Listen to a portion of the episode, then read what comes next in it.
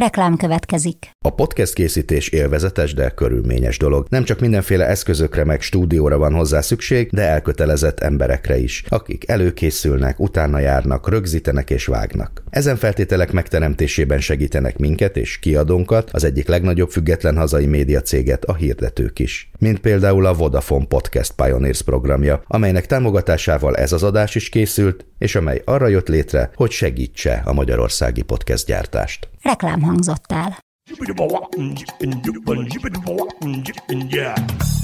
A Líra könyv bemutatja a 24.hu könyves podcastjét, a Buksót.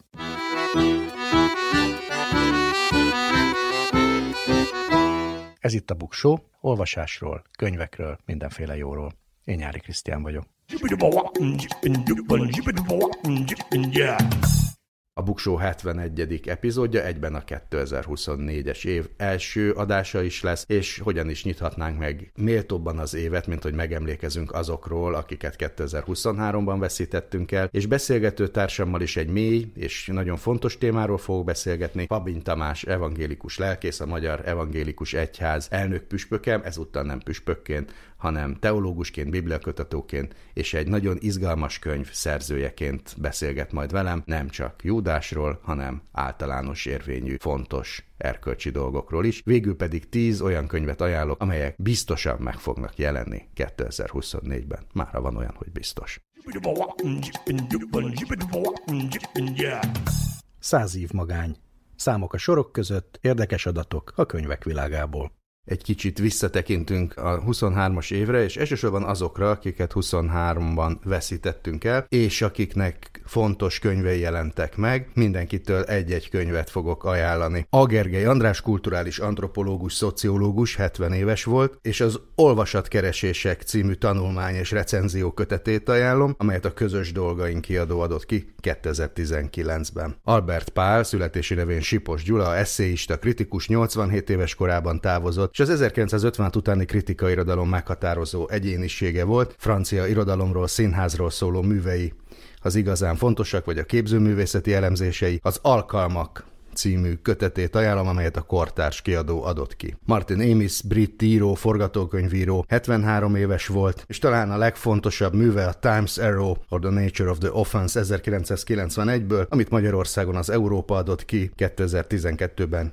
Időnyíl címmel. E.S. Byatt, angol kritikus író, 87 éves volt, és a Possession and Romance című regényét ajánlom, amelyért Booker díjat is kapott, és amelyet a Gabó adott ki mindenem címmel még 2006-ban. Cseke László, vagy Ekecs Géza eredeti nevén újságíró, 90 éves volt, és a Szabad Európa Rádió DJ-je, műsorvezetője volt a 80-as vagy a 70-es években, a Teenager Party című műsora volt ismert, a mikrofonnál és lemezjátszónál Cseke László című könyvet ajánlom, amelyet a Szabadtér kiadó adott ki. Louis Glück, amerikai költő. 80 éves volt, 2020-ban Nobel-díjat kapott, és egyébként egy Érmihály falvi magyar zsidó családból származott. Összegyűjtött versei Poems címmel a Penguin kiadónál jelentek meg két évvel ezelőtt. Magyarul nem jelent meg önálló kötete, de kilenc verse szerepel a Gyukics Gábor által válogatott Átkelés című kortárs amerikai költők verseit tartalmazó antológiában, amelyet a nyitott könyv könyvműhely adott ki. Dávid Katalin művészettörténész száz éves volt, Anna Margit és Ámos Imre életművének kutatója volt egyebek mellett, és a Korvéna kiadónál több szép albumot állított össze. Emlékiratok című könyvét a Szent István Társulat adta ki 2019-ben. Deák István amerikai magyar történész 96 éves korában halt meg, és talán az Európa próbatétele együttműködés, ellenállás és megtorlás a második világháború alatt című könyvét ajánlom, amely Bánki Vera fordításában az Argumentumnál jelent meg. Fahidi Éva, színésznő, táncos, emlékíró, holokauszt túlélő, 97 éves korában halt meg, és a Dolgok lelket című könyvben emlékezett vissza életére, 2015-ben jelent ez meg először. Gerő András történész, 70 éves korában távozott, és talán ez egyik korai könyvét a magyar polgárosodást ajánlom, amely az Atlantis könyvkiadó gondozásában jelent meg még a 90-es években. Harry Kissinger, amerikai politikus, szintén 100 éves korában távozott, ellentmondásos személyiség, de mindenképpen meghatározóan formálta a 20. századi világtörténelmet. Az állam vezetéséről írott könyve idén jelent meg az MCC Pressnél, alcíme hat politikai stratégia a 20. századból. Kovács András Ferenc Kossuth költő az év utolsó előtti napján távozott rengeteg könyvét ajánlhatnám. Utoljára a magvető kiadónál a Requiem címbalomra azaz Örömzene darabokban című kötete jelent meg, 2019-ben, de egy majdnem gyűjteményes kötet a York napsütése, Zengő tombolás kettős címet viseli, ez is a magvetőnél jelent meg, és 1980 és 2014 közötti verseit tartalmazza. Ennek az igen jelentős és nagyon korán meghalt magyar költőnek. Milán Kundera, cseh francia író, 94 éves volt, és hát a főművét, talán a lét elviselhetetlen könnyűségét ajánlanám, amely egyébként először szamizdatban jelent meg Magyarországon, Súlyok Miklós fordításában, azóta Körtvé Esi Klára hivatalos fordításában is megjelent természetesen, és tavaly jelent meg egyébként az elrabolt Nyugat vagy avagy Közép-Európa tragédiája című eszékötete az Európánál, itt nem szép irodalmi művet ajánlottam. Ladányi János szociológus, 74 éves volt, általában a társadalmi igazságtalansággal vagy az újraelosztás rendszereivel foglalkozott. Ilyen könyvét ajánlom Egyenlőtlenségek, redistribúció, szociálpolitika, válogatott tanulmányok, amely az új mandátumnál jelent meg. Lator László költő 95 éves korában halt meg, az egyetlen lehetőség címmel az Európa adta ki válogatott verseit, és érkezik egy könyve a Latortanya, Lator László Tiszavasvári emlékei című képes könyv, amelyet olvasói és barátai finanszírozásában adtak ki, és valamikor a napokban jelent meg. Cormac McCarthy, amerikai író, 89 éves volt, és hát mondhatnám a Határvidék trilógia bármelyik darabját, de én most az Utat The Road címmel megjelent 2006-os könyvét ajánlom, amely Tóth Benedek fordításában az út címmel jelent meg a magvetőnél. Miskolci Ambrus történész 76 éves korában halt meg, Marosvásárhelyi származású történész egyébként nem csak történész volt, hanem Bartók Béla életművének kutatója is, talán a Románok a történeti Magyarországon című könyv könyvét ajánlom, mely a Lucidus kiadónál jelent meg. Morcsányi Géza, dramaturg, műfordító, könyvkiadó, és még sok minden más 70 éves korában halt meg. Nehéz lenne egy könyvet kötni a nevéhez, talán fordításai közül a Csehovokat, vagy a sorstalanságot Kertész Imrétől, ami tulajdonképpen ő juttatott el a Nobel-díjig, és ha csak egy könyvet kell kiemelni, akkor az ő fordításában Ludmilla Ulickaja a Lélek testéről című könyvét javasolnám, amely 2020-ban jelent meg. Oeke Nazaburo, japán író, 88 éves volt, Nobel-díjas író, és talán a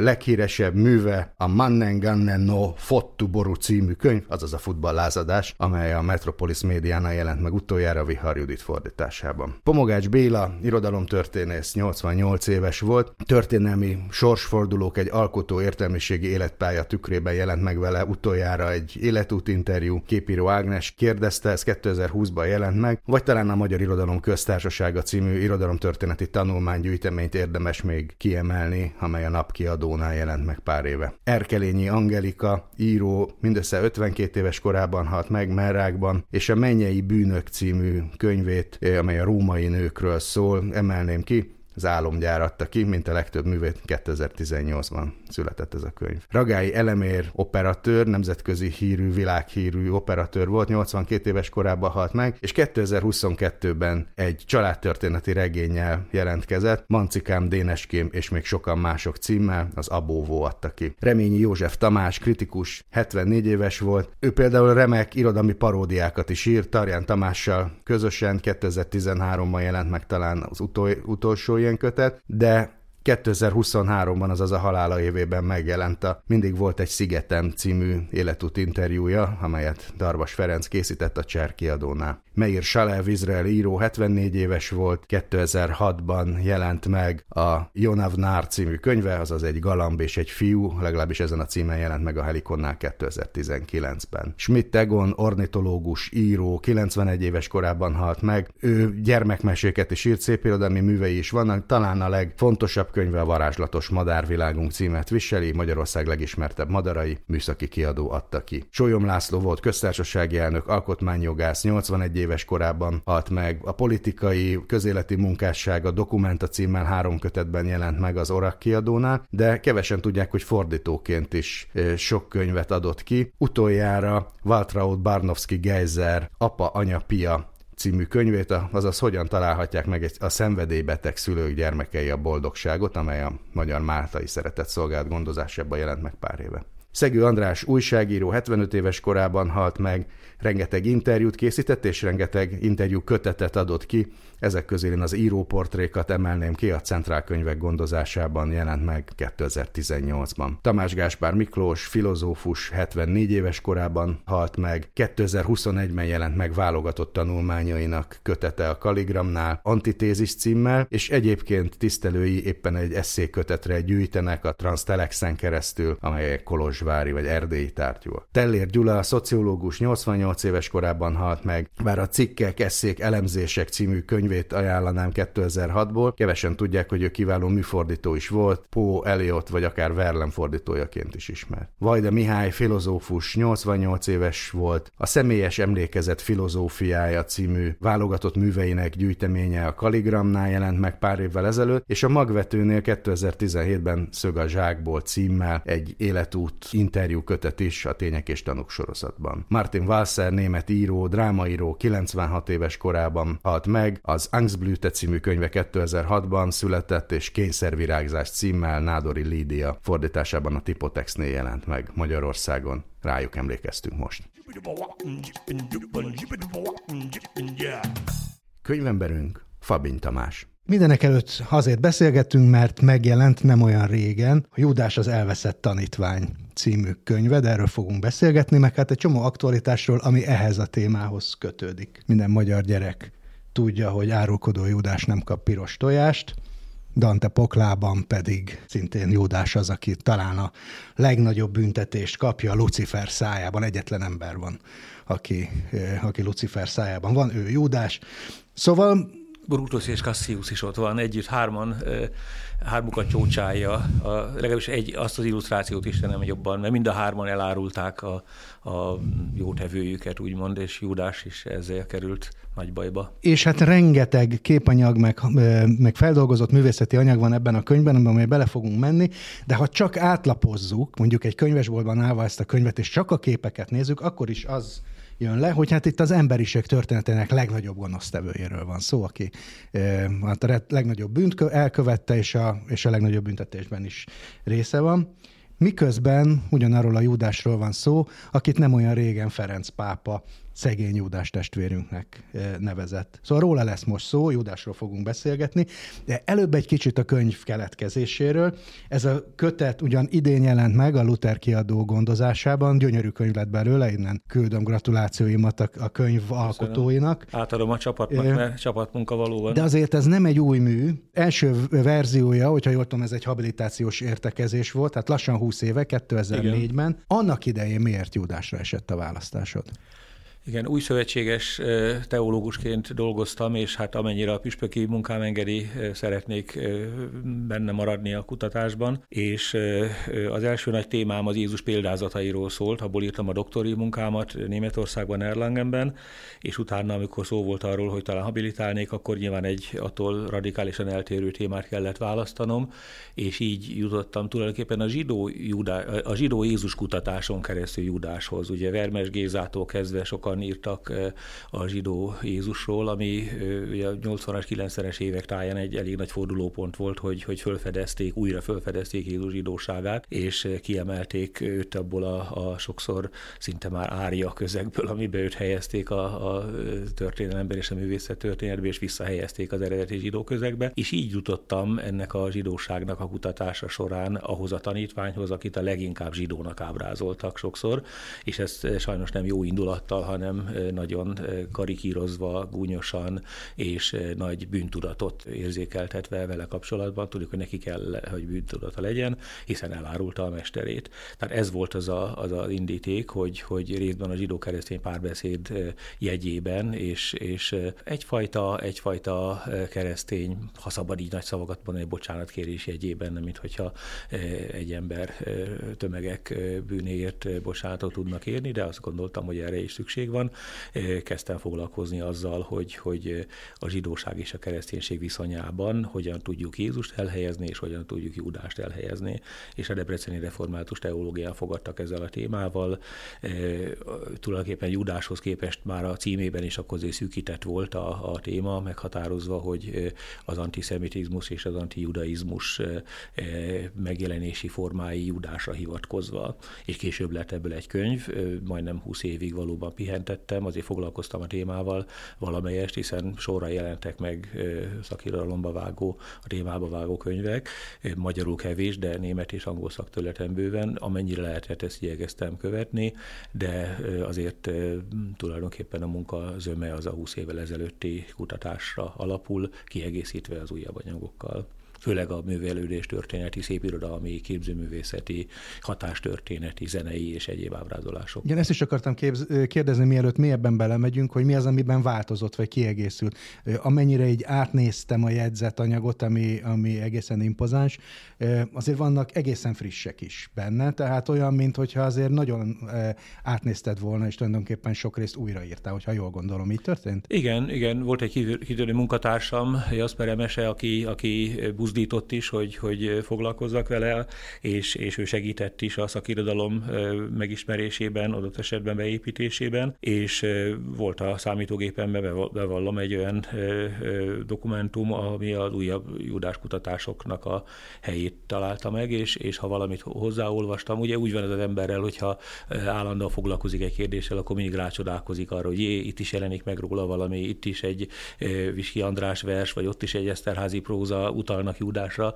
Persze igyekeztem azért mondjuk szabadulni attól a kísértéstől, hogy minden, ami Júdásra vonatkozik, legkisebb lelet az, az belekerüljön, tehát valahol a fő csapás irányt kellett tartani, és ez, ez a zsidó-keresztény viszony volt, de, de valóban mondjuk összecsipegettem folyamatosan, ami, ami szembe jött velem, és, és élveztem ezt, hogy, hogy kiegészíthettem az akkori kutatásaimat. Még csak egy kérdés a keletkezés körülményekről, hogy püspökként egy egyházat vezetsz, intézményvezetői feladataid vannak, lelkészként tevékenykedsz hogy jut idő, meg, meg egyáltalán koncentráció, egy másfajta gondolkodás az, hogy egy, megírjál egy könyvet, így 2023-ban? Volt egy ö, lelki atyám, az idősebb Pálfensel Károly, ő ö, sok püspök mellett dolgozott, és ő azt mondta, hogy hát, mikor püspök lettem, hogy Tamás vigyázz, mert ö, megfigyeltem, hogy a püspökök a szolgálati évük első, szolgálati idejük első évében nem írnak már, a második évben már nem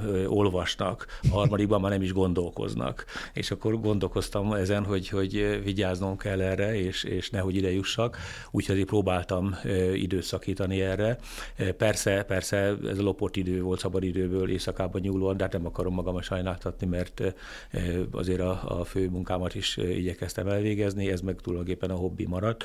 Valamelyest azért kapcsolatban maradtam az egyetemmel, az Evangélius Hittudomány Egyetemmel, és ott például egy doktori kurzust, ha rám bíztak, akkor, akkor hallgatókkal is tudtam folytatni ezt a kutatást, és, és ez egy mindig jó lehetőség, hogy, hogy eh, diákokkal közösen olvasni közös munkákat. Akkor kezdjük a elejéről az egészet, hogy mi az, amit az új szövetség mond Júdásról?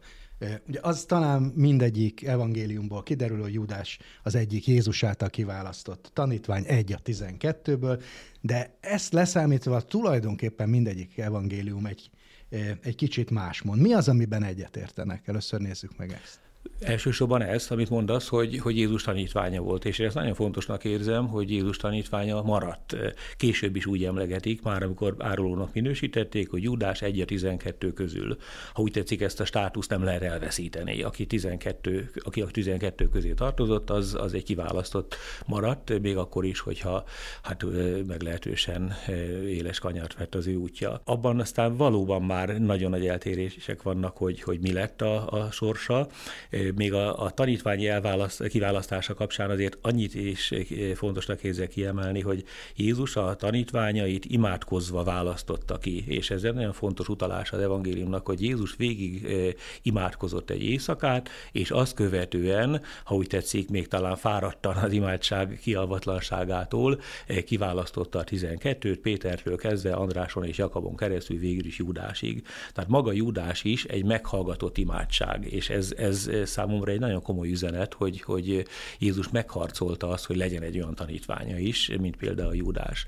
De aztán az eltérések azok, azok égbe kiáltóak szinte, és a felületes biblia olvasók nem is szokták ezt észrevenni, de talán még a szakembereknek is kutatnia kell, és adott esetben a görög szöveget a sokkal precízebben meg kell nézni, mint amit a magyar szöveg vagy a különböző fordítások kínálnak. Itt van például maga az áruló szó. Legtöbb, legtöbb szó úgy beszélünk, te is mondtad az elején árulkodó Judás, Judásról, mint árulóról beszélünk, és még a liturgia legszentebb szövegében is, még az evangélikus egyházban is, amikor az utolsó vacsorára emlékezünk, és azt mondjuk, hogy azon az éjszakán, mikor elárultatott, Jézus kezébe vette a kenyeret, az eredeti szövegben nincsen arról szó, hogy elárultatott, hanem átadatott. Más az, hogy valakit átadni, és más az, hogy valakit elárulni. Az elárulás sokkal súlyosabb, és abban már egyfajta üzleti akció is van. Valóban más összefüggésekben ez a 30 ezüst előjön, de a paradidómi görög szava az az átadást jelenti, és nem az elárulást. Tehát ez már is egy jelentős különbség. A legnagyobb különbség az, talán még mennék részletekbe is, de a legnagyobb különbség az, hogy hogyan halt meg, és mikor halt meg Júdás.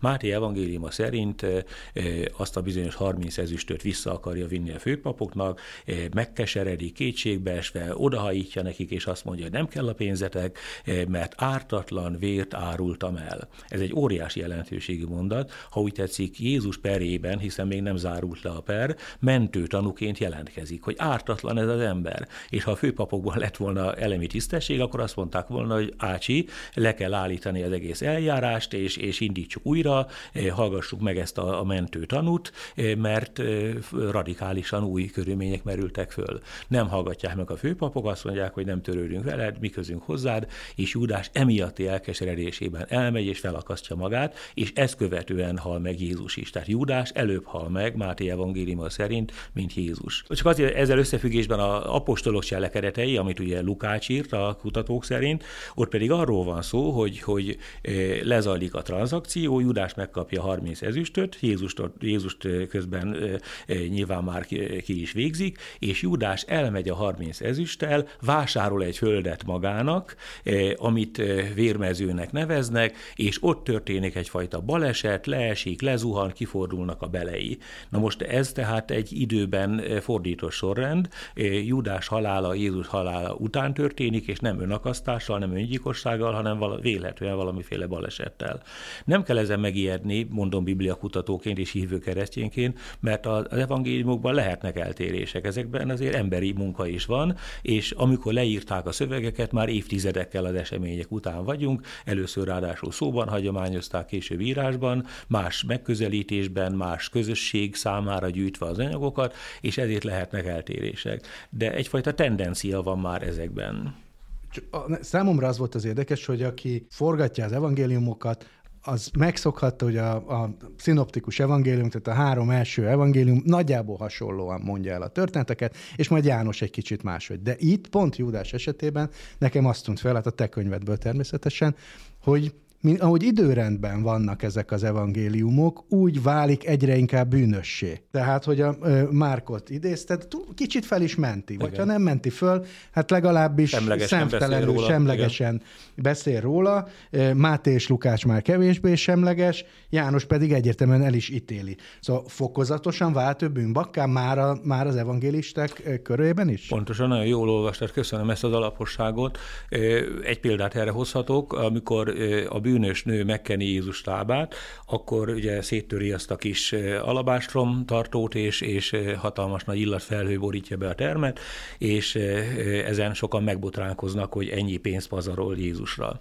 És Márk evangéliumában, amelyik evangéliumja leghamarabb keletkezett, azt olvassuk, hogy némelyek felháborodnak.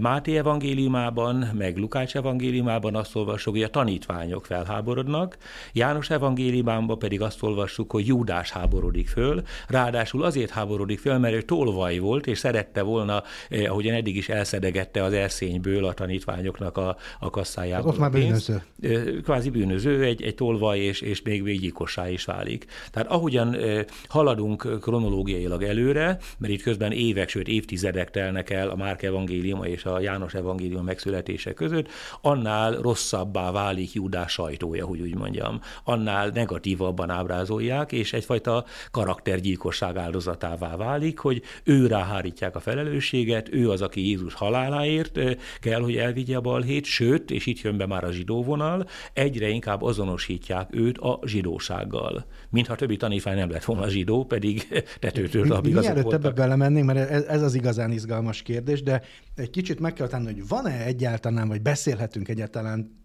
történeti Júdásról? Tudunk-e ténylegesen valamit erről az emberről? Meg ugye lehet olvasni elméleteket, hogy ő valójában valamiféle personifikált eszénus vagy zelóta, tehát egy ilyen politikai programmal is rendelkező zsidó lázadó. Ez egyfajta vélekedés, és vélhetően nem is áll messze az igazságtól, de, de azért csak tapogatózás. Az biztos, hogy keveset tudunk a történeti, Jézus, történeti Judásról, mint ahogy a történeti Jézusról is viszonylag keveset tudunk. A teológia megkülönbözteti a történeti Jézust és a kérügmatikus Krisztust, vagyis akit hirdettek a kérusszó ige, a prédikálás ige, aki az evangéliumok hirdetett igéjében jelenik meg. Ez nem azt jelenti, hogy ellentét van a kettő között, de de nem tudunk visszamenni egészen a történeti húsvér valóságig. Mint ahogy a karácsonyi történet is, ugye karácsony után vagyunk nem sokkal, megközelíti csak, hogy milyen lehetett Jézus születése, de hát ez egy utólagos kísérlet arra, hogy hogyan születhetett, és nem kell megbotránkozni, Lukács evangéliuma másként tudósít Jézus születéséről, mint, mint mondjuk Máté evangéliuma. Az egyikben mondjuk az angyal Máté evangéliumában Józsefnek jelenik meg, Lukács evangélium temában Mária, Máriának jelenik meg, eh, más a, a, a környezet, valaki beszél három királyokról, valaki nem beszél három királyokról, tehát vannak ilyen eltérések, és ez egy utólagos kísérlet, hogy milyen is lehetett a történeti Jézus, vagy milyen is lehetett a történeti Júdás. Valóban eh, a, a lázadó, aki az élóták közé, vagy a szikáriusok közé tartozhatott, eh, Júdás egy elég elfogadott toposz, maga az elnevezés is az iskáriótes lehet, hogy a szikárius szó, ami ugye a, a, az élótáknak a balszárnyát jelentette, még a, az élóták rebellis mozgalmához képest is ez egy ilyen terrorkülönítmény volt, akik a szikát, a kardot tartották a köpönyegük alatt, és azzal riogatták a lakosságot. Tehát lehet, hogy az iskariót ez a szikáriussal összefügg, de van sok más elgondolás is. Az biztos, hogy, hogy valahol ő, ő egy nyugtalan ember lehetett, aki talán provokálni akarta Jézust, erről is sok feltételezés van, hogy számára Jézus túl türelmes, túl béketűrő volt, és végre ki akarta ugratni a nyulat a bokorból, mint ahogy egyébként Péter is, aki a szolgafülét levágta a, a, a kertben, tehát kardot hordott magánál, és Jézusnak úgy kellett visszaparancsolni ezt a kardot a hüvelyébe. Mert hogyha ő egy zélóta volt, akkor még az is lehet az olvasható, hogy az egész dologgal, amit csinált, az ifjuk árulásnak, valamiféle politikai célja volt, hogy egy lázadást akart felszítani, vagy ilyesmit. Ugye erről is lehet olvasni. Igen, hogy, hogy várták, hogy Jézus végre kirobbantsa azt a forradalmat a rómaiak ellen, ami, ugye, amire volt igény a zsidóság körében, de minthogyha visszahőkölt volna, és, és inkább, inkább békés eszközöknél akart volna maradni, és, és Judás esetleg ezt, akar, ezt nem akarta elfogadni, és ezt akarta kiprovokálni Jézustól. De azért ezek csak feltételezések. De maradva pusztán az evangéliumoknál még mindig. Mit árult el végül is Júdás? Mert hiszen Krisztus tartózkodási helyét olyan nagyon nem kellett talán, azt megtalálták volna valószínűleg. Ez elég könnyen megtudható lett volna. Az azonosítását, a Júdás csók, az persze nagyon jelképes, de hát valószínűleg ott, ott és akkor meg lehetett volna találni Jézus. Tehát igazából miért volt erre szükség? Valószínűleg félt a, a római hatóság is, és a vele kollaboráns zsidó vallási vezetőség félt attól, hogy, hogy főleg a Páska ünnepén, amikor amúgy is nagy nyugtalanság volt a városban, egy, egy olyan zendülés támad Jézus elfogása miatt, amit ők aztán később nem tudnak kordában tartani, és ezért, hogyha egy kollaboráns rendelkezésükre áll, akkor talán tompi alapítják ezt a, ezt a Jézus ellenes akciót. Tehát vélhetően ez a kollaboráció bűne az, ami, ami Júdásra vetült. Idézte te is Márk evangéliumát, ahol tulajdonképpen egymásra vetítve mondja el Jézusnak és Judásnak a halálát, úgy, ami ezek szerint ugyanakkor van nagyjából kicsit. Ez meg... Máté evangélium. Vagy Máté. Igen. Bizonyos értelemben akkor ez egy, ez egy kettős passió, még akkor is, hogyha, hogyha utólag már nem így, nem így gondoljuk. Lehetett volna teljesen más ennek alapján Judásnak a, a megítélése. A kettős passió szót valóban használom, egy picit óvatosan magam is, mert a passió azért az egyházi nyelvben az Jézusnak a szenvedésére van lefoglalva, hogy úgy mondjam, és ebben azért benne van az üdvösség történeti teológiai nyelven az üdvösség történeti jelentősége, tudnék Jézusnak a, a, a mulatságszerző halála egyfajta helyettes szenvedés, de azért, hogyha mint szenvedés történetről beszélünk a passió szélesebb értelmében, akkor én ezt maximálisan vállalom, hogy itt két ember szenvedés történetét látjuk, két ember haláltusáját látjuk. Van egy olyan ábrázolás, hozom is a könyvben, ahol egymás mellett függnek, mind a kettő a fán függ, ugye ez is egy beteljesítése az Ószövetségi eh, proféciának, hogy átkozott, aki a fán függ. Na most eh, ki az átkozott? Jézus az átkozott? Részben igen, mert magára vette az átkot, de tulajdonképpen Judás tartja az egyház mégis átkozottnak, aki benne is maradt ebben az átokban, tehát átkozott, aki a fán függ, de az egymás mellett szenvedő két ember között ott áll Mária, Jézus édesanyja, és János, ha úgy tetszik az egyház reprezentánsa, a kereszt felé, Jézus kereszt felé fordulnak, és hátat fordítanak Júdásnak. Ez egy számomra szívbe markoló jelenet. Természetes, hogy, hogy az édesanyja meg a szeretett tanítvány együtt érez a szenvedő Jézussal, de azt nem egészen tudom elfogadni, hogy közben a hátukat kell, hogy mutassák az ugyancsak szenvedő embertársuknak, tanítványtársnak, ha úgy tetszik, Judásnak. Én egy olyan egyházról álmodom, amelyik azért nem fordít hátat általában a szenvedőnek, de még Judásnak se fordít hátat. De ezenneképpen legalább ott van Judás, és, és nem, nem pedig valaki más, mert hiszen erről fogunk beszélni, hogy ennek a hatástörténete eh, hogyan alakult. Tehát szinte ilyen palimpszesz-szerűen egymásra rakódnak a Judásról összegyűlt évszázados képzetek, és te ezeket bontod le, vagy, vagy meséled el. Ez a hatástörténeti megközelítés, ami nagyon erős a könyvedben, Miért ezt választottad? A 20. század végén Ulrich Lutz, eh, svájci teológus, új szövetséges teológus nevéhez fűződik ez a bizonyos hatástörténeti irányzat, ennek a kidolgozása, aki azt ismerte föl, hogy a bibliai szövegek tovább élnek, nem csak az egyházban, nem csak a prédikációban, hanem a különböző ábrázolásokban, eh, irodalomban, zenében, hát ez, ez bagatel felismerés persze. De még de közmondásokban is. Még közmondásokban, folklórban nagyon sokszor, és persze pont ezt érdemes megnézni, hogy hogyan torzul torzulnak például a folklórban, vagy a, vagy a, vagy a közmondásokban, hogyan szimplifikálódnak sokszor az eredeti összefüggések, és, és valamiféle lebutított tendenciózus igazságot, vagy vélt igazságot akarnak kimutatni. De ezek annyira élnek, pont azért, mert benne vannak a, a nyelvben, hát a, a júdás is a köznyelvben, ugye még egy foci meccsen is azt skandálják, hogyha átigazolt az egyik játékos a másikba, hogy ő júdás, júdás, vagy a politikában hányszor júdásozzák le azt, aki pártot Júdás pénz. Az... Júdás pénz, vagy, vagy júdás füle a növények között, meg, meg hasonló. Ezt is elég részletesen elemzem, hogy, hogy a júdás ige, hogy júdáskodik, vagy júdáshozik, ez, ez milyen rettentő összefüggésekre utal. Tehát a, a, a hatástörténet az, az hatással van ránk, befolyásol minket, és, és innen érdemes visszamenni. Egyrészt tudni kell, miben hatnak ezek ránk, de innen érdemes visszamenni a kiinduló ponthoz, amennyire csak tudunk, ebben az esetben a Szentíráshoz. Igen, mert az, ha, ha pusztán a, az evangéliumokat olvasjuk, akkor végül is meglepődünk, hogy nem azt mondják Júdásról, amit rögtön gondolnánk.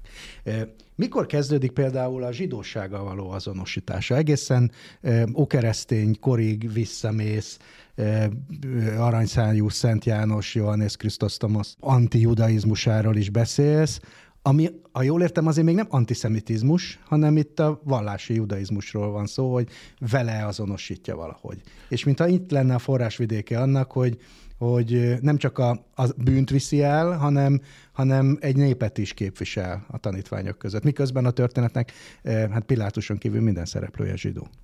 Igen. Valaki úgy fogalmazott, hogy a történelem bizonyos pontján megégették a Talmudot, majd egy idő, majd egy idő után a Talmuddal együtt megégették a zsidót is. Tehát nehéz megtalálni azt a pontot, ahol, ahol az anti-judaizmus átlép az antiszemitizmusba, és éppen ezért már az anti-judaizmus is egy olyan jelenség, ahol, ahol oda kell figyelnünk, hogy, hogy milyen tendencia van esetleg mögötte, amíg egyfajta természetes vetélkedés van az irányzatok között, mint ahogy a kereszténység, mint a názereti irányzat vetékedett a zsidóság többi irányzatával, a farizeusokkal, a szikáriusokkal, az élótákkal, szadduceusokkal, addig még nincsen baj, mert egy természetes rivalizálás, történelmi és vallási rivalizálás, ami bele kell, hogy férjen, de amikor már egy ellenség képet kreál magának az egyik irányzat, és, és a, a másikban nem csupán a tanítás bélyegzi meg, hanem az embert bélyegzi meg, akkor már ez veszélyessé válik. És ugyanígy persze, és erről is szól a könyvem,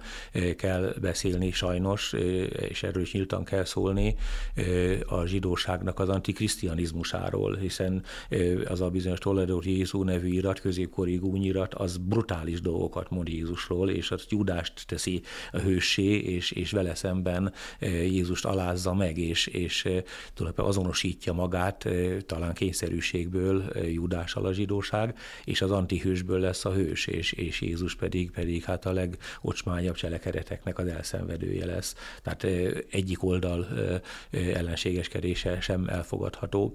De az eredeti kérdésedre visszatérve, sajnos ez már tendenciájában az evangéliumban kezdődik, János evangéliumában, hiszen ott olyan éles szavakat használ a zsidósággal kapcsolatban, amelyek legalábbis okot adnak arra, hogy itt az olvasó, ha nem figyel oda eléggé, általánosítson. Tehát a zsidók, a zsidók ezt tették, mint hogyha egy egész nép tette volna, pedig lehet, hogy éppen Kajafásról van szó, vagy Annás főpapról van szó, vagy Heródesről van szó, de könnyen, könnyen egy egész népet azonosítanak vele, és ebben az evangéliumban, János evangéliumában vitatkozzik Jézus a leírás szerint a farizeusokkal, és azt mondja, hogy ti nem Ábrahám fiai vagytok, hanem az ördögnek a fiai, mondja a zsidóknak, a farizeusoknak, de ebből könnyen ez az általánosítás van, hogy általában a zsidók az ördög fiai.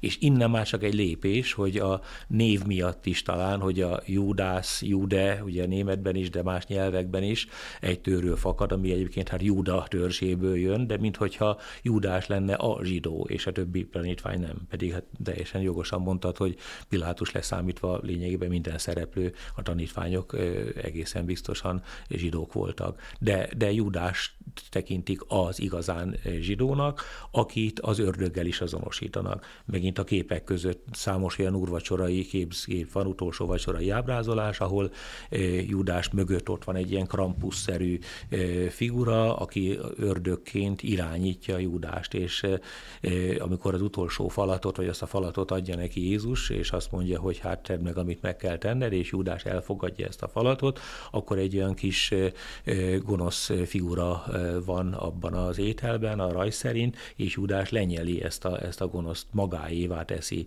ezt a, ezt a, a kísértőt, és attól kezdve ez, ez, ez irányítja őt belülről. Bőséges művészettörténeti anyag található a könyvben, és abból is kiderül, hogy a középkorban már a passionjátékokban is, a, a, a, a templomi freskókon, kódexekben már egyértelműen, mint a gyűlölt zsidó figurája jelenik meg. Júdás eltúlzott sémi vonásokkal, néha. Még a vörös haj, a sárga szín, igen, és nagyon durva karikírozással ilyen, ilyen durva karakterjegyekkel, amik, ahol tényleg a leg, legcsúnyább gúnyrajzoknak a sztereotípiái szerepelnek, és hát egészen a, a náci ábrázolásokig menően a gazdag zsidókat azonosítják. Igen, Rőri Géza írja a főszövegbe, hogy ebből döbbent rá, hogy tulajdonképpen nem kellett a náciknak semmit se kitalálni. A Der Stürmer karikatúrái, azok mind ilyen középkori eredetre mennek vissza. Igen, például a Judas Mercator ábrázolás, ahol Judást kereskedőként ábrázolja, kezében a mérleggel, kezében a pénz, másik kezében a pénzérzacskóval, aki könnyen azonosítható a középkor kereskedőivel, mondván, hogy ők mind judások. Kicsit visszamenve még engem az is nagyon érdekel, hogy bár a legnagyobb árulás, vagy a legnagyobb bűn az, az valóban Júdáshoz kapcsolódik, de hát azért legalább két tanítvány még rajta kívül is elárulja, vagy, vagy, vagy valami hasonlót csinál, de ott van Péter, aki, aki szó szerint elárulja, és aztán ő lesz a kőszikla, akire az egyház épül, aki háromszor megtagadja Jézust, és aztán meg ott van Tamás, aki meg a, a hitében inok meg ő nekik miért bocsát meg a, a, aztán a következő évszázadoknak az egyháza, meg a, meg a, meg a hívei, miközben Júdás egyre rosszabbá válik? Én a kettőt még tovább vinném, 11-ről beszélhetünk. Judáson kívül 11 potenciális áruló van. Nem véletlenül az utolsó vacsorán, amikor Jézus azt mondja, hogy egy elárul közül, egy közületek elárul engem, akkor mindegyik elkezdi kérdezgetni, én vagyok az, mester, én vagyok az, mester, én vagyok az, és valószínűleg ők talán el is tudják képzelni nem csak egymásról, hanem önmagukról, hogy az esetben árulóvá válnak, és ez tükröt állít minden keresztény ember elé, hogy, hogy nem vagyunk-e mi is potenciális árulók. De ez való igaz. Tamást egy kicsit külön választanám, mert az ő kételkedése szerintem az nem árulás. példaszerű, és, és keresztény embernek a kételje, kérdésfeltevése az teljesen legitim, mint minden embernek a kételkedése és kérdésfelvetése. Pétert lehet tényleg ellentétes párhuzamba állítani Judással, hiszen ő is megtagadta, ő nem pénzért, tehát ez az árulás motivum talán nincs benne, vagy biztos nincs benne, de a megtagadás azért egy nagyon-nagyon súlyos elgyávulás, hiszen egy ö, egyszerű szolgálólány előtt, meg a többiek előtt ott a udvaron nem meri Jézust vállalni, sőt, meg is átkozza Jézust, amikor azt olvassuk, hogy átkozódni és esküvőzni kezdi, kezd, és azt mondja, hogy nem ismerem ezt az embert, akkor nem kevesebbet mond, hogy Jézus átkozott. A bibliai nyelvben valakire azt mondani, hogy nem ismerem, az a kapcsolat teljes megszakítását jelenti. A megismerése valakinek a, az a legbensőségesebb kapcsolat, a férfinő viszonyban még a szexuális kapcsolat is a megismerését jelenti a másiknak, ha pedig valakire azt mondjuk, hogy nem ismerem, mint az utolsó ítéletben is van ez, hogy majd azt mondja a mennyei atya, hogy hiába mondjátok, hogy uram, uram, hányszor tettük ezt, tettük azt, akkor azt fogja mondani, hogy nem ismerlek titeket. Tehát a, a kiátkozás, kirekesztés, a kapcsolat megszakítása, a nem ismerem kifejezés, és Péter ezt mondja ott a udvaron a szolgáló lánynak Jézussal kapcsolatban, tehát megátkozza Jézust, és őt mégis nem a pokolba, hanem, hanem egybenesen a egyházi hagyomány legalábbis a mennybe röpíti, és őt teszik meg a, a mennyország kapusának, ugye a attribútum a, a kulcs, és, és Judás lent van, Péter pedig fönt. Valóban azért van egy óriási különbség az evangéliumok leírásában, hogy, hogy Péter megkeseredik, persze Judás is megkeseredik, azt mondtam, de talán Péter jobban tudja, hogy, hogy Jézushoz kell fordulnia, Judás viszont a főpapokhoz fordul. Luther mondja egy helyen, hogy, hogy meg is érdemli ezt, mert olyan gyóntatókat olyan gyóntatókat keres, akik nem tudják őt feloldozni. Tehát Júdás a főpapokhoz megy gyónni, és mondja, hogy, hogy ártatlan ez az ember, a főpapok nem oldozhatják föl. Péter ha Jézustól kért volna bűnbocsánatot, akkor most nem számítana bűnösnek? Hát ez a volna kategória, de mindannyian bűnösnek számítunk egyébként. Tehát ez a luteri tanítás, de általános keresztény tanítás, és a simul justus et peccator, hogy az ember mindig igaz és mindig bűnös, egyszerre igaz és egyszerre bűnös, és én azt gondolom, hogy, hogy mindannyian bűnösök vagyunk, és Péter is bűnös volt, az a nagy kérdés, hogy az a bizonyos kegyelem, ami Péter számára ott katartikusan átélhetővé vált a Jézussal való face-to-face találkozásban, hogy találkozott a tekintetük, és Péter ekkor keserves sírása fakadt, ez tényleg egy megrázó, megrendítő jelenet az evangéliumban.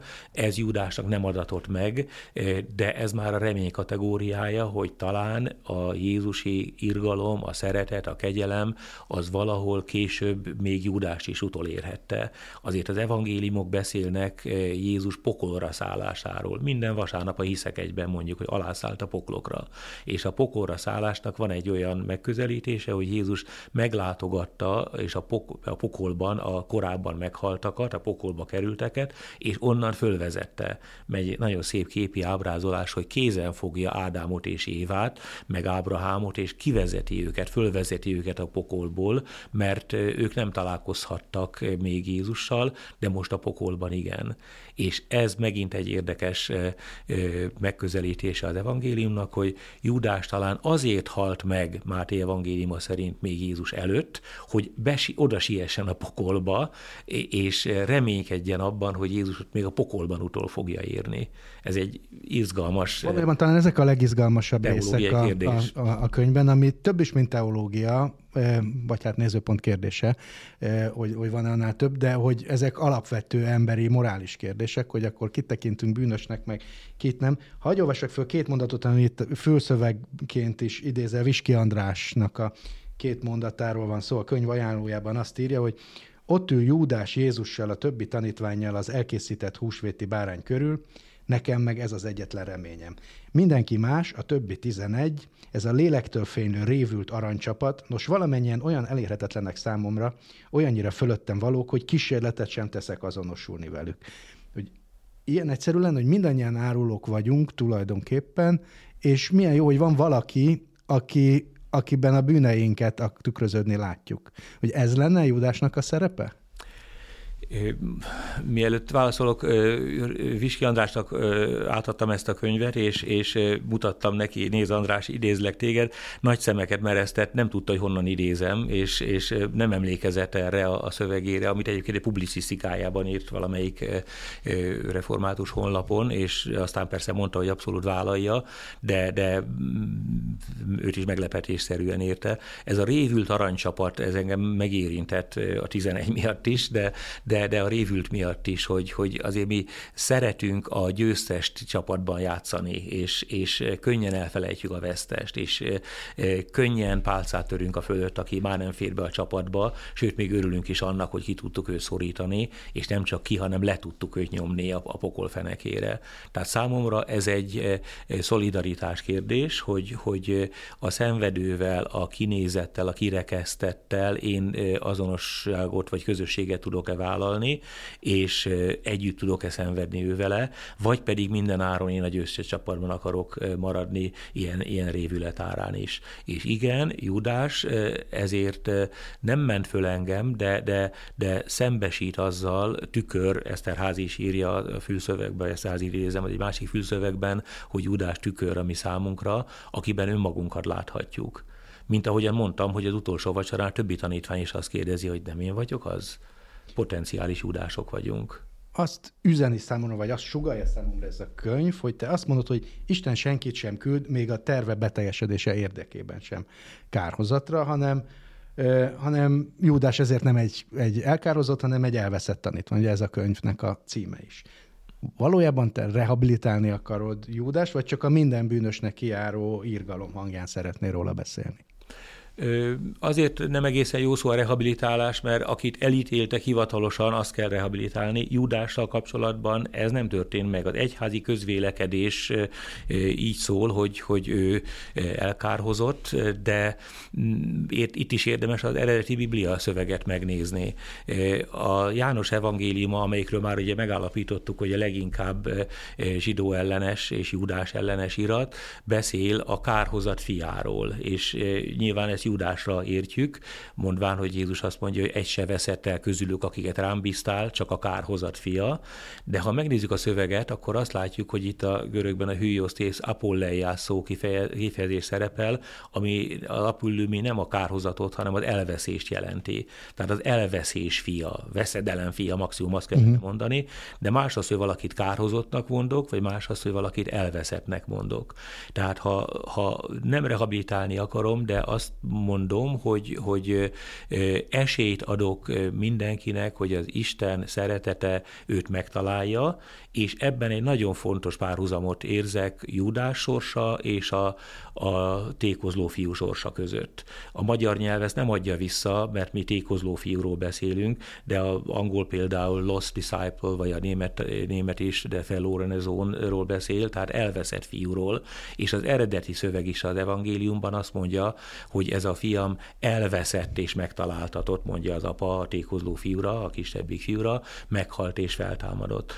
Ugyanaz történt a tékozló fiúval, hogy el akart szakadni az apától, el is szakadt tőle, mint ahogy Jézus elszakadt a, a, az atyától, és magá, Judás elszakadt Jézustól, és ezáltal az atyától. Megjárta a poklok poklát, nem csak Judás, hanem a tékozló fiú is, hiszen a disznók vájúhoz ment, ami a zsidóság számára a legnagyobb büntetés, hogy a disznók moslékából kénytelen valaki enni, disznó ugye tisztátalan állat, és ahogyan a pokoljárás jellemző a tékozló fiúra, de végül is a pokolból ő visszakerül a szülői házhoz, nem azért, mert ő annyira összeszedi magát, hanem azért, mert az apa annyira szereti, hogy elébe fut és visszafogadja, ezért legalább az esélyt adnám meg Judás testvéremnek, és ezt a szót használom, hogy Judás testvér, hogy őt is megtalálja az atya szeretete, Jézusnak az irgalma, és ez a cím, hogy Judás az elveszett tanítvány, talán akkor egy kicsit magában rejti azt, hogy ő is lehet a Jézus szeretete által, Isten irgalma által megtalált tanítvány. 2023 egy háborús év volt, ebből egyébben a Szentföldön zajlik, és nem tűnik úgy, hogy ez az év sokkal békésebb lesz. Van-e Júdás történetének, vagy hát Júdás és Jézus történetének különös aktualitása ebben az évben, vagy ami ránk vár a következő hónapokban? Hát ez az áldozat szó, hogy hány és hány áldozat van a, a gyűlölség következtében, akit akár vallási, akár etnikai alapon bélyegeznek meg. Ez a, a túlfeszített ellenségkép, amikor már nem két egymás mellett élő nép rivalizálásáról van szó, mint ahogy mondtam, hogy a, a 2000 évvel ezelőtti világban zsidók és keresztények, vagy később száz, éve, száz évekkel később mohamedánok egyfajta vallási irányzatként vitatkozhattak egymással. Ez már nem egy egészséges vita, hanem, hanem a másiknak egy, egy kiradírozási szándéka. Tehát amikor, amikor idáig fajul a, a személyes ellentét, vagy a nézetbeli ellentét, hogy a másikat akarom leradírozni, akár a, a kibucokban élő zsidókat akarom terroristaként meggyilkolni, vagy akár a, a Gázában élő ártatlan lakosságot akarom felfegyverzett izraeli katonaként meggyilkolni, ez egyaránt elfogadhatatlan, és, és valóban ez a, ez a testvérharc, ami, ami Judás és Jézus között is nem az ő szándékuk szerint, hanem a, a későbbi ábrázolások szerint történt, ez, ez elfogadhatatlan, és én nagyon-nagyon szeretném azt látni, hogy, hogy Judás és Jézus, és, és egyáltalán a, a, a különböző véleményen levő emberek, azok, azok meg tudnak békélni egymással. Judással és Jézussal kapcsolatban nincs kétségem, hogy ez meg megtörténik-e a Szentföldön, a palesztin eh, zsidó viszonyban, ez, ez talán még ennél is nehezebb, emberileg legalábbis. Top 10. Egy polsznyi jó könyv. Könyvajánló rovatban tíz olyan szépirodalmi könyvet ajánlok, amelyeket magyar szerzők írtak, és 2024-ben fognak megjelenni. Csak olyanokat ajánlok, amik biztosan megjelennek, már van címük, és a megjelenést a kiadó is megerősítette, így például nem szerepel a listán Bereményi Géza, Spíró György, Kollár Clemens László vagy Grecsó Krisztián, hamarosan talán megjelenő új könyve sem, ezekről ugyan hallani, eh, hogy hamarosan megjelennek, de hivatalos nyomuk még nincsen a világhálón, és túlteng majd az ajánlatomban a magvető, hiszen hiszen a magvető karácsony előtt közé is tette, hogy milyen könyveket fog biztosan kiadni 2024-ben. Tehát akkor ABC sorrendben. Darvasi László, Neandervölgyiek, ez egy háromkötetes nagyregény, és 1908-tól 1957-ig vezet végig a magyar történelmen egy vidéki kastély grófja felesége halála után valószerűtlen építkezésbe fog egy elpusztíthatatlan kertet akar építeni. Innen indulunk tehát, és a többit majd megtudjuk Darvasi László hatalmas munkájából. Debreceni József hideg a jelenkor fogja kiadni 2024-ben. Itt nem a politológus Debreceni Józsefről van szó, ez egy naplóregény, egy holokauszt regény, talán az egyik első, ami Magyarországon megjelent, egészen pontosan Szerbiában, hiszen egy vajdasági emberről van szó. 1950-ben jelent meg ez a könyv, amiről nagyon sokan azt mondják, hogy az egyik legfontosabb holokauszt regény, így látja ezt Rőri Géza, vagy akár Karl Uwe Knausgaard is. Valamikor az 50-es években jelent meg, aztán a 70-es években még egyszer kiadták, és most pedig több nyelven elérhetővé válik Hideg Krematórium címmel ez a nagyon fontos könyv. Erdős virág, eltérő tartalom, szintén a magvetőnél fog megjelenni. Erdős virág világot nem kell bemutatni azoknak, akik olvasnak verseket. Utoljára én is egy verses kötetéről beszélgettem vele, most pedig íme itt a következő. Gerlóci Márton, Fikció 3. Ugye ez egy különösen szenvedélyes és szövevényes családtörténet, vagy ahogy a kiadója a Scholar nevezi egy identitás thriller, és ez lesz a harmadik rész. időben leghamarabb Krasznahorkai László legújabb könyve, a Zsömle oda van fog megjelenni a magvető gondozásában, ezt már januárban kézbe vehetjük. A könyv főszereplője a 91 éves Kada Józsi bácsi, aki bizony nem más, mint az Árpád ház leszármazottja, nyugdíjas villanyszerelő, sőt még Genghis is a leszármazottja, és hát ilyen értelemben igényt tarthatná a magyar trónra, és majd megtudjuk, hogy akarja, és azt is, hogy hova lett mindeközben Józsi bácsi házőrző kutyája Zsömle. Nádasdi Ádám billeg a csónak, ezt is a magvető adja ki, és Nádasdi Ádám legújabb verses kötetéről van szó, utoljára néhány évvel ezelőtt jól láthatóan Logokit címmel adott ki verses kötetet, és az időközben összegyűlt és válogatott versek gyűjteménye jelenik most meg. Akár csak Szabó T. Annának, akinek Vigasz címmel jelenik meg verses kötete, ugye neki egy, egy nagy összegyűjtött verses kötete jelent meg most, nem régiben, ezek az újabb darabok, szintén a magvető gondozásában jelenik majd meg májusban. Szőlősi Mátyás Fóbia, ezt a Helikon adja ki, a Fóbia című regény főszereplője, egy nemzetközi kutatói világban is ismert fizikus nő lesz, aki a történet folyamán az elméletek világából alászáll a hétköznapok valóságába, és egy világjárvány a háttér, hogy egy nagyon izgalmas regényre számítunk Szőlősi Mátyás tollából. Svoren Edina, a kérődző Kronosz. Ezt is a magvető adja ki, és ahogy Svoren Edinától megszokhattuk, ismét egy novellás kötet, júniusban a könyvhét környékén jelenik majd meg ez a könyv. Végül pedig, de egyáltalán nem utolsó sorban Vámos Miklós kivinné haza, az Ateneum gondozásában jelenik meg. A szerző írt már azokról a családtagjairól regényt, Jaj című korai regényében, amely akik elvesztek, eltűntek, meghaltak a holokauszt idején, hogy mi történne velük, hogyha élnének. Most ennek, mint hogyha a fordítottjáról lenne szó, de hogy hogyan fordítja meg ezt a családtörténetet, az majd kiderül a regényből.